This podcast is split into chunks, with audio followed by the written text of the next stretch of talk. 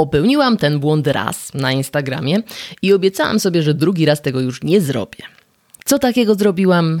Zaczęłam opowiadać o ciekawostkach i przydatnych wskazówkach z prawem autorskim związanych, a zupełnie pominęłam wyjaśnienie, po co komukolwiek miałoby się to w ogóle przydać, po co ktokolwiek miałby te wskazówki i podpowiedzi wdrażać w życie. I czy w ogóle opłaca się ograniczać w swoich online'owych działaniach, czy warto się starać, działać ostrożnie, męczyć, poszukując najlepszej licencji na utwory, yy, zwłaszcza kiedy tuż obok nasza konkurencja zupełnie się nie przejmuje, wykręcając jakieś kosmiczne zasięgi na ordynarnie kopiowanych memach czy komiksach. A wiadomo, że nic tak nie działa na wyobraźnię i motywację do działania zgodnego z przepisami, jak różnego rodzaju koszty, które trzeba byłoby w związku z tym ponosić. Przynajmniej tak wynika z moich wieloletnich obserwacji prawnika praktyka. E, to całkiem jak e, z ograniczeniami prędkości. E, niektórym wystarczy wiedza, że jest taki ustawowy zakaz, na innych podziała obrazowy opis tego, co się dzieje z wnętrznościami człowieka przy niedostatecznej drodze hamowania, ale zdecydowana większość kierowców zwolni dopiero po zobaczeniu tego fotoradaru i szybkim przeliczeniu w głowie obecnych stawek mandatów. Dlatego dziś e, przedstawię Ci tu różnorodne konsekwencje łamania praw autorskich w świecie online. Mam nadzieję, że po wysłuchaniu tego odcinka będzie Ci łatwiej podjąć decyzję, czy opłaca się działać zgodnie z prawem autorskim w mediach społecznościowych e, i co niedobrego możecie spotkać, jeżeli jednak to prawo autorskie naruszysz i nielegalnie wykorzystasz cudzą, szeroko pojętą twórczość. Muzykę, słowa piosenki, fotografię, grafikę, rysunek, tekst, filmy, wideo i To jest podcast Prawowita, odcinek numer 001. Ja nazywam się Karina Kunzurbańczyk i nauczę Cię tutaj jak legalnie i bez narażania się na problemy prawne wykorzystać siłę mediów społecznościowych. W dodatku obiecuję, że zrobię to bez przynudzania i z pominięciem skomplikowanej terminologii. Myślisz, że to niemożliwe? No to zaczynamy. Standardowo prawnicy opisujący konsekwencje naruszania praw autorskich y, jadą zgodnie z treścią artykułu 78 i 79 ustawy o prawie autorskim i prawach pokrewnych. Zapominają niestety przy tym, że no, jeżeli nie masz za sobą uniwersyteckiego kursu prawa własności intelektualnej, a przynajmniej podstaw prawoznawstwa, no to niespecjalnie wiele powiedzą ci te wszystkie obowiązki zaprzestania naruszeń, czynności potrzebne do usunięcia skutków, występowania z powództwem, odszkodowania i zadośćuczynienia o prawnych różnicach między odszkodowaniem a zadośćuczynieniem już nie wspominając. Taki styl nadaje się na wykłady dla studentów prawa, no i wtedy też nie waham się go użyć, y, ale mm, nie taki mam plan na ten podcast. Tu ma być po polsku, a nie po prawniczemu, bez łaciny, bez zbędnego dystansu w ogóle, dlatego mam nadzieję, że nie masz też nic przeciwko, że szybciutko skróciłam już dystans i przeszłam z tobą na ty. Yy, albowiem, a zalisz, gdyż sensu stricto notabene, proszę państwa, tak to sobie wymyśliłam. Ja tu jestem dla ciebie, a nie ty dla moich oratorskich pokazów. Na uskutecznianie oratorskich pokazów to mam akurat inne, stosowniejsze audytoria. Tu ma być praktycznie, żeby osoba działająca w social mediach wyniosła z tego coś dla siebie. Dlatego dziś porozmawiamy tu sobie, a raczej ja ci opowiem, dlaczego łamanie prawa autorskiego najzwyczajniej w świecie ci się nie opłaci i o jakich kosztach można w ogóle w takich sprawach mówić. Jeżeli mimo wszystko po wysłuchaniu mnie zaryzykujesz nieostrożne podchodzenie do cudzych praw autorskich w myśl często spotykanej zasady, że inni też tak robią i nic się nie dzieje, y, o której zresztą też chciałabym Ci więcej kiedyś poopowiadać. Y, I jeżeli postanowisz, że lepiej mieć te zasięgi niż spokój, no to przynajmniej będziesz w stanie dobrze oszacować sobie koszty takiej decyzji. A to już też według mnie całkiem dużo. I tym ten przydługawy wstęp kończąc, na który pozwoliłam sobie głównie dlatego, że jest to pierwszy premierowy odcinek tego podcastu, przejdźmy w końcu do kosztów łamania praw autorskich w internecie. Koszt numer jeden. Finansowy. Tu wracamy do tych zadośćuczynień i odszkodowań, o których już wspomniałam, i tego, czym musisz zrozumieć, czym w ogóle się różnią. Nie musisz, ale myślę, że to jest przydatna wiedza zwłaszcza, że załatwimy to szybciutko. Odszkodowanie za użycie czyjegoś utworu albo jego fragmentu bez pytania, a przypomnę krótko, że utwór to nie jest tylko dzieło sztuki, poczytna powieść, kinowa nowość czy drogi program komputerowy. Utworem jest właściwie wszystko, co widzisz w internecie, a co stworzył człowiek. E, wychodząc poza taki totalny szablon, jeżeli dodał cokolwiek twórczego od siebie, czy to do fotografii, czy to grafiki, czy to krótkie wideo, tekst, e, nawet taki tekst nieartystyczny jak treść oferty czy regulaminu, to też może być utwór chroniony prawem. I jeżeli użyjesz go, łamiąc prawa autorskie, płacisz odszkodowanie, które wynosi tyle, ile kosztowałoby jego legalne kupienie od autora. Razy dwa. No w końcu musi być jakaś niedogodność za to, że się nie zapytało o tę zgodę albo nie dopełniło warunków licencyjnych. Więc jeżeli znasz ceny, bo zdarzyło ci się kupować efekty na przykład sesji zdjęciowych, y, płacić za usługi grafika albo wnosić opłaty licencyjne, na przykład w jakimś serwisie stokowym, no to jesteś sobie w stanie w tym momencie wyobrazić bez problemu mniej więcej wysokość takich odszkodowań. Jeżeli właściciel takiego naruszonego prawa nigdy jeszcze nie sprzedawał swoich utworów, to bierze się pod uwagę standardowe wynagrodzenie w sprawach o porównywalnych warunkach. E, my, prawnicy, e, nazywamy to stosownym wynagrodzeniem. E, a jeżeli dany twórca ma już jakieś rynkowe doświadczenia, to często po prostu przedstawia w sądzie swoje faktury na podobne dzieła czy usługi. Sąd je sobie mnoży i tak ustala się kwotę tego należnego odszkodowania. Widełki takich spraw no, kształtują się od kilkuset złotych za jakieś proste rysunki do kilkuset tysięcy nowych polskich złotych, jak miało to miejsce w przypadku na przykład bezprawnego użycia refrenu znanej piosenki w telewizyjnej reklamie lubianej polskiej spółki słynącej z punktualności. Y, ale o wsiadaniu do odpowiednich pociągów pewnie jeszcze kiedyś tu poopowiadam, więc nie uprzedzajmy faktów. Y, ważne, że owego znanego refrenu nawet tam nie zanucono. Kwota 100 tysięcy złotych polskich dotyczyła wyłącznie jednego zdania czystego tekstu w dodatku nawet nieidealnie skopiowanego, bo różniły się niektóre słowa i formy gramatyczne. E, za wrzucenie czyjegoś zdjęcia na stronę mm, zasądzano już i tysiąc złotych, i dwa i pół tysiąca złotych i więcej. E, wszystko też zależy od medium, w którym taki utwór bezprawnie został użyty. A ja tu przecież mówię o starych sprawach yy, sprzed kilku lat, rozpatrywanych w zupełnie innej rzeczywistości gospodarczej, gdzie wartość rynkowa podobnej twórczości też była całkiem inna i inny był popyt na takie usługi. O, wykorzystanie bez zgody scen z filmu w swoim teledysku yy, kosztowało jakieś 10 lat temu aż 10 tysięcy złotych. Czy można taką miarę przykładać do współczesnych filmików wrzucanych na YouTube'a? No trudno powiedzieć ale wydaje mi się, że nie opłaca się tego sprawdzać na sobie i na swoim biznesie. Kiedyś w ogóle mm, była jeszcze opcja mnożenia razy trzy, to taka ciekawostka.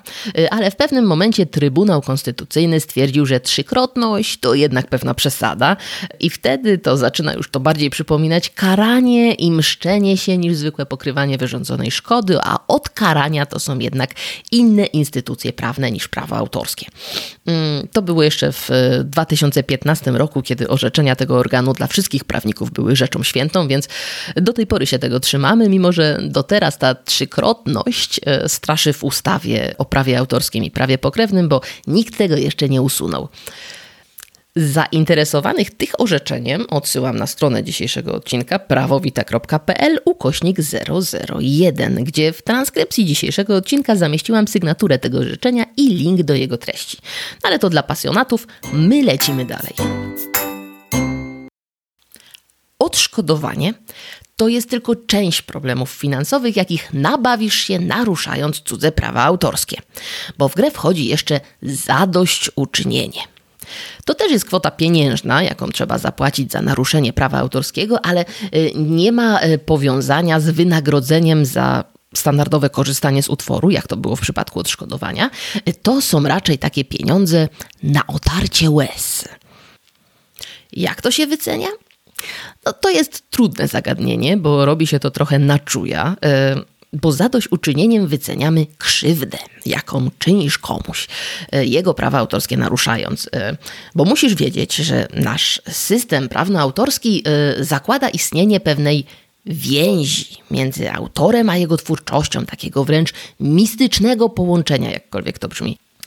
To nie jest relacja producent-produkt, a raczej coś w stylu rodzic-dziecko, jakkolwiek dziwnie by to nie brzmiało. E, więc krzywdząc utwór, na przykład przerabiając go w jakiś niefajny sposób, e, albo wyrywając jakiś fragment z kontekstu, albo jeżeli przerywasz tę więź między utworem a twórcą poprzez na przykład niepodpisanie autora, e, ale też i dla odmiany przez podpisanie, kiedy autor wolał pozostać anonimowym, y, to krzywdzisz twórcę.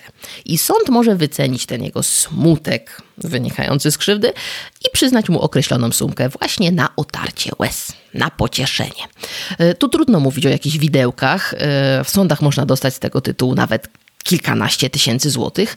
Kilka tysięcy to, to chyba taki standard. Przy czym to zawsze jest uznaniowe. Znam na przykład sprawę, gdzie człowiek w pierwszej instancji dostał za to aż 50 tysięcy złotych, a sąd drugiej instancji zmniejszył tę kwotę do 4 tysięcy, uznając chyba, że no bez przesady, twardym trzeba być, a nie miękkim, no nie, nie ma się co mazgaić.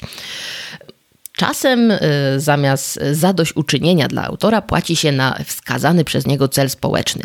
Y, czyli stawka jest ta sama, tylko trafia do innej kieszeni. To tak ładniej PR-owo brzmi, no bo twórca na tym wtedy nie zarabia, y, a ta jego krzywda, a twoje krzywdzące działanie, jeżeli jego prawa autorskie naruszasz, wspiera jeszcze jakieś tam wyższe idee. No, aczkolwiek skutek finansowy dla naruszyciela jest ten sam, odpływ gotówki z portfela i z tym skutkiem trzeba się przy naruszaniu prawa autorskiego liczyć. Czy to koniec kosztów finansowych? No ależ oczywiście, że nie. Tu są jeszcze koszty, o których sama ustawa o prawie autorskim i prawach pokrewnych akurat nie wspomina, ale z którymi musisz się liczyć, tocząc spór prawny przed sądem w naszym kraju. Jeżeli faktycznie skończy się to w sądzie i przegrasz, to do odszkodowania i zadośćuczynienia musisz sobie doliczyć także koszty procesowe w tym także te koszty, które poniósł przeciwnik, bo taką mamy zasadę w sprawach sądowych, że przegrana strona płaci zarówno swoje koszty, jak i właśnie koszty obsługi prawnej przeciwnika, yy, koszty wniesienia pozwu do sądu i między innymi koszty wynagrodzenia biegłego, a biegłych specjalistów bardzo często przy prawach autorskich się powołuje. To akurat jest taki koszt y, naruszania prawa autorskiego, który można próbować ściąć, warto o tym wiedzieć, y, i po prostu dogadać się w miarę sprawnie jeszcze na etapie przedsądowym. No ale znów, nie z każdym i nie w każdej sprawie da się szybko dogadać, o tym jeszcze będziemy mówić, więc i o tych kosztach wolę lojalnie uprzedzić. Kolejna konsekwencja. Poza tym, że zapłacisz za swoje bezprawne działania, to musisz się też liczyć z koniecznością zaprzestania tych działań. Więc to nie jest tak, że zapłacisz sobie tę podwójną kwotę i możesz działać dalej, bo po prostu ominęły cię te negocjacje z twórcą, podpisywanie wszystkich umów, pieniądze przeszły z ręki do ręki, działamy dalej. No nie. Tutaj płacisz i kończysz w dodatku najczęściej musisz jeszcze usunąć skutki tego naruszenia twojego, więc e, kasujesz materiał, e, usuwasz cyfrowe ślady jego istnienia, wycofujesz nakład łamiącego prawa produktu, jeżeli gdzieś jest w obrocie, e, likwidujesz rzeczy, które z naruszeniem były powiązane i tak dalej, i tak dalej. Czyli tutaj powiedziałabym, że pojawia się ten koszt i zmarnowanej pracy, czy to pracy Twojej własnej i Twojego czasu, czy opłaconych działań wykonawców, na przykład wirtualnego wsparcia. I cała właśnie strata tego wysiłku, który wkładasz wcześniej w stworzenie czegoś, co zostało stworzone z naruszeniem cudzych praw. Przestrzegam przed takimi sprytnymi strategiami, zakładającymi, że zanim ktoś się zorientuje, że wykorzystuje jego utwór bez pytania, zanim znajdzie tego prawnika, zanim napisze ten pozew, wyśle go, no nie, potem jeszcze te kilka lat procesu sądowego, bo wiadomo, że w Polsce sprawiedliwość raczej nierychliwa, no to będę mieć w zapasie kilka lat darmowego skorzystania z utworu biznes życia. No nie. Nie możesz sobie liczyć na to, że w tym czasie to i na jakiś tam nakład się sprzeda, ludzie polajkują co trzeba, ta twoja pozycja eksperta, czy tam marka osobista innego typu zostanie zbudowana i, i będzie ok, no nie? Potem tam zapłacisz te dwukrotności i, i z głowy. To tak nie działa. Po pierwsze, mamy w prawie autorskim taki instrument jak obowiązek wydania utraconych korzyści. Więc to, co zarobisz przed uzyskaniem prawomocnego wyroku sądowego, i tak będzie trzeba zwrócić właścicielowi utworu. Po drugie, ten skutek w postaci utraty materiału, który narusza prawa autorskie, pojawia się często jeszcze przed końcem procesu sądowego. Raz, że zwykle w takich sprawach wnosi się o tak zwane zabezpieczenie powództwa i to wiąże się z tym, że zanim sąd ustali, czy naruszenie prawa miało miejsce, czy nie miało miejsca, no to tak jakby zamrażamy sytuację, żeby y, dalsze straty się nie pojawiały po stronie tej osoby, która twierdzi, że jej prawa zostały naruszone. Y, na przykład zabraniamy sprzedawania budzącego wątpliwości produktu, zabraniamy promowania książki, wyświetlania tego filmu itd. Tak Usuwamy taki materiał po prostu z przestrzeni publicznej, czasowo, żeby nie ryzykować właśnie tego, że po kilku latach się okaże, że no, działanie było faktycznie bezprawne, wyrok zapadł, ale tysiące ludzi już kupiło tę książkę, film i gdzieś tam się wryło w ich świadomość, y, że prawa autorskie mogą leżeć na przykład po innej stronie niż leżą naprawdę. To nam ogranicza takie sytuacje, gdzie no, autor wygrywa, ale tak naprawdę to tylko takie moralne zwycięstwo, bo mleko już się rozlało, mówiąc kolokwialnie. Podobnie zresztą działają media społecznościowe, przy czym one po prostu te wątpliwe materiały, do których y, zachodzi jakieś podejrzenie, że mogą prawa autorskie naruszać, ktoś tam swoje roszczenia do nich zgłosił, y, one po prostu je kasują bez litości. Więc możesz sobie wyobrazić zgłoszenie naruszenia własności intelektualnej, bo na jednym slajdzie twojej dziesięcioobrazkowej Insta karuzeli jest tam jakiś nielegalny obrazek bez licencji. I co? I wtedy leci całość. Yy, czyli znów wracamy tu do kosztów Twojej pracy, yy, czy to czasu poświęconego na stworzenie takiego materiału, czy właśnie żywej gotówki wydanej na przykład na wirtualne wsparcie. A jeżeli naruszenia się powtarzają, wszystkie regulaminy serwisów społecznościowych, czy to Instagram, czy Facebook, YouTube, Twitter, czy nawet chiński TikTok, przewidują, że uporczywe naruszanie praw autorskich na swoim profilu skończy się zawieszeniem konta, jego usunięciem, a czasem nawet zakazem zakładania kolejnych kont w takim serwisie.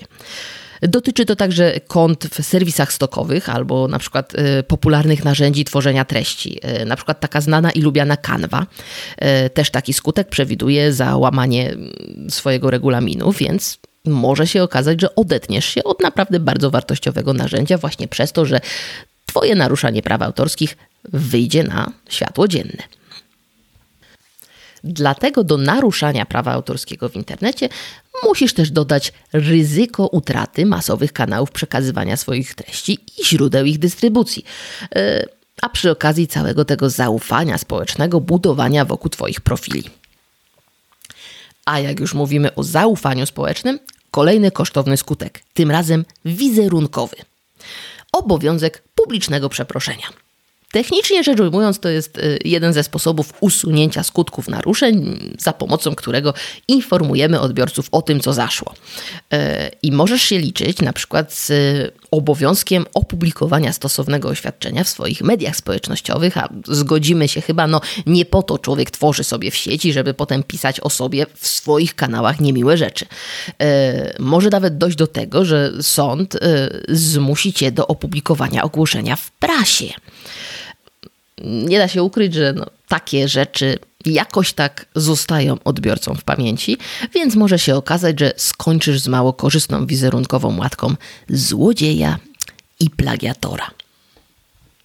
Do kosztów naruszenia prawa autorskiego dorzuciłabym jeszcze, całkiem szczerze, koszty zdrowotne. Bo takie sprawy naprawdę bywają mocno stresujące i już od samego czytania tych groźnie brzmiących ostatecznych przedsądowych wezwań do zaprzestania naruszeń to może się człowiek spocić. Dorzuć do tego jeszcze rozmowy z mniej miłymi ode mnie prawnikami i długie miesiące sądowych batalii i zapewniam cię, że nie będzie to szczególnie radosna, zdrowa perspektywa. No i na sam koniec, z zawodowej rzetelności muszę dodać jeszcze konsekwencje prawnokarne. Czyli wszystko to, co związane z kontaktami z policją, prokuraturą i ewentualnym wyrokiem skazującym. Tak jest, mamy w polskim systemie prawnym przepisy, które za naruszenie praw autorskich mogą doprowadzić nawet do pozbawienia wolności. Jakie to mogą być koszty dla reputacji czy szeroko pojętego życia rodzinnego i towarzyskiego, to chyba już nie muszę tłumaczyć. Fakt, że takie sprawy zdarzają się naprawdę raczej rzadko i takie typowe, często spotykane naruszanie prawa autorskiego w mediach społecznościowych na przykład prawdopodobnie się tak nie skończą. Ale żeby nie było, że nie uprzedzałam. Brzmi to wszystko mocno spektakularnie i pewnie zastanawiasz się teraz, czy te koszty wystąpią zawsze. Otóż nie muszą, lojalnie tutaj szczerze odpowiadam. Y, niektórym twórcom Wystarczy na przykład, że podpisze się ich pod wziętą bez pytania treścią, y, nawet po czasie. Y, innym wystarczy, że materiał, który był bezprawny, zniknie z sieci, więc doprowadzają do jego usunięcia, oddychają z ulgą i na tym sprawa się kończy ale to jest tylko przejaw ich dobrej woli. A nie każdy jest taki łaskawy, zwłaszcza, że jak widzisz, kolekcję instrumentów prawnych ustawa daje im imponującą. I tak niektórzy sprawę traktują ideologicznie. Pragną ukarania winnych, dania nauczki złodziejom i za punkt honoru biorą sobie uczynienie świata lepszym miejscem, czy też wyrwanie chwasta, w zależności od podejścia. I oni nie spoczną, dopóki nie doprowadzą cię przed sąd, a najlepiej na skraj bankructwa. Inni ze ścigania naruszeń własnych praw autorskich w ogóle czynią sobie wręcz podstawowe źródło dochodu i zarabiają nie tyle na opłatach licencyjnych, co właśnie głównie na wygranych procesach sądowych. Także to jest trochę jak z tym pudełkiem czekoladek od Foresta Gampa. Nigdy nie wiesz, na co trafisz. Być może masz teraz takie wrażenie, że no więcej jest chyba tych twórców, którym w ogóle nie przeszkadza używanie ich twórczości, no bo te wszystkie memy krążące nieustannie po sieci, często wykorzystywane kadry ze znanych seriali, cała amatorska twórczość fanowska, fanfiki, fanarty, różne fanpage czy popularne konta społecznościowe, które masowo przeklejają śmieszne treści z internetu do siebie. Yy, ludzie wykorzystujący pobrane bezpośrednio z wyszukiwarki obrazów yy, grafiki, no dziki dziki świat, przynajmniej dla prawnika od praw autorskich. Łatwo wtedy wyjechać z takim argumentem, że no inni jakoś naruszają te prawa autorskie i nic im się nie dzieje, prawda? I to prawda, tak też bywa. Ale wcale być tak nie musi i to jest klucz tego problemu, bo prawo, jak starałam ci się opowiedzieć w tym odcinku, stoi po stronie twórców i właścicieli praw autorskich. Oni czasem z tych swoich praw po prostu nie korzystają i to z naprawdę różnych powodów, e, często związanych na przykład ze specyfiką mediów społecznościowych, czy po prostu z przyjętym modelem biznesowym. E, ale właśnie, Warto znać te powody, warto uświadomić sobie, że nawet jeżeli oni nie korzystają ze swoich praw teraz, to to się może w przyszłości zmienić. Albo oni się zmienią, albo zmieni się tak zwany podmiot zarządzający prawami autorskimi, czyli na przykład w grę, do gry wejdą ich spadkobiercy. O takich ciekawych przypadkach to też mogłabym Ci sporo poopowiadać. I może nawet to zrobię, ale to już jest temat, y, jak zapewne się domyślasz, na całkiem inny odcinek, bo warto byłoby to wszystko dokładnie omówić, właśnie z przykładami z szeroko pojętej popkultury. Także myślę, że nie ma sensu już więcej mówić o tym w tym momencie, zwłaszcza, że ten odcinek i tak trwa już trochę zbyt długo, a wszyscy zawsze mnie straszyli, że podcast o prawie to nie może trwać za długo, bo wszystkich zmęczy i zanudzi. I w sumie to chętnie dowiem się, jak jest w Twoim przypadku. Czy udało mi się Ciebie raczej zaciekawić tematem, czy wręcz przeciwnie zanudzić? Czy taka długość odcinka to jest za długo, czy za krótko, czy akurat w sam raz? To pozwoli mi ten mój prawowity podcast ulepszać i lepiej dostosować do Twoich oczekiwań. Wpadnij na stronę www.prawowita.pl ukośnik 001, bo taki jest ten numer dzisiejszego premierowego, przypominam, odcinka i w komentarzach pod transkrypcją po prostu zostaw mi swoje uwagi. Końcu to ma być podcast dla Ciebie i Twoja opinia wiele dla mnie znaczy.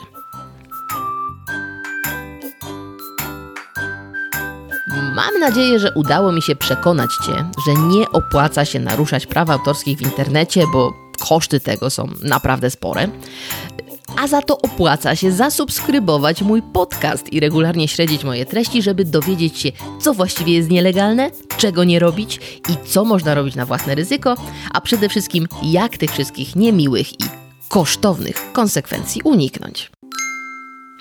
A tymczasem, jeżeli ciekawi Cię, czemu inni tak robią i nic się nie dzieje, to zapraszam do kolejnego odcinka o numerze 002. Do usłyszenia.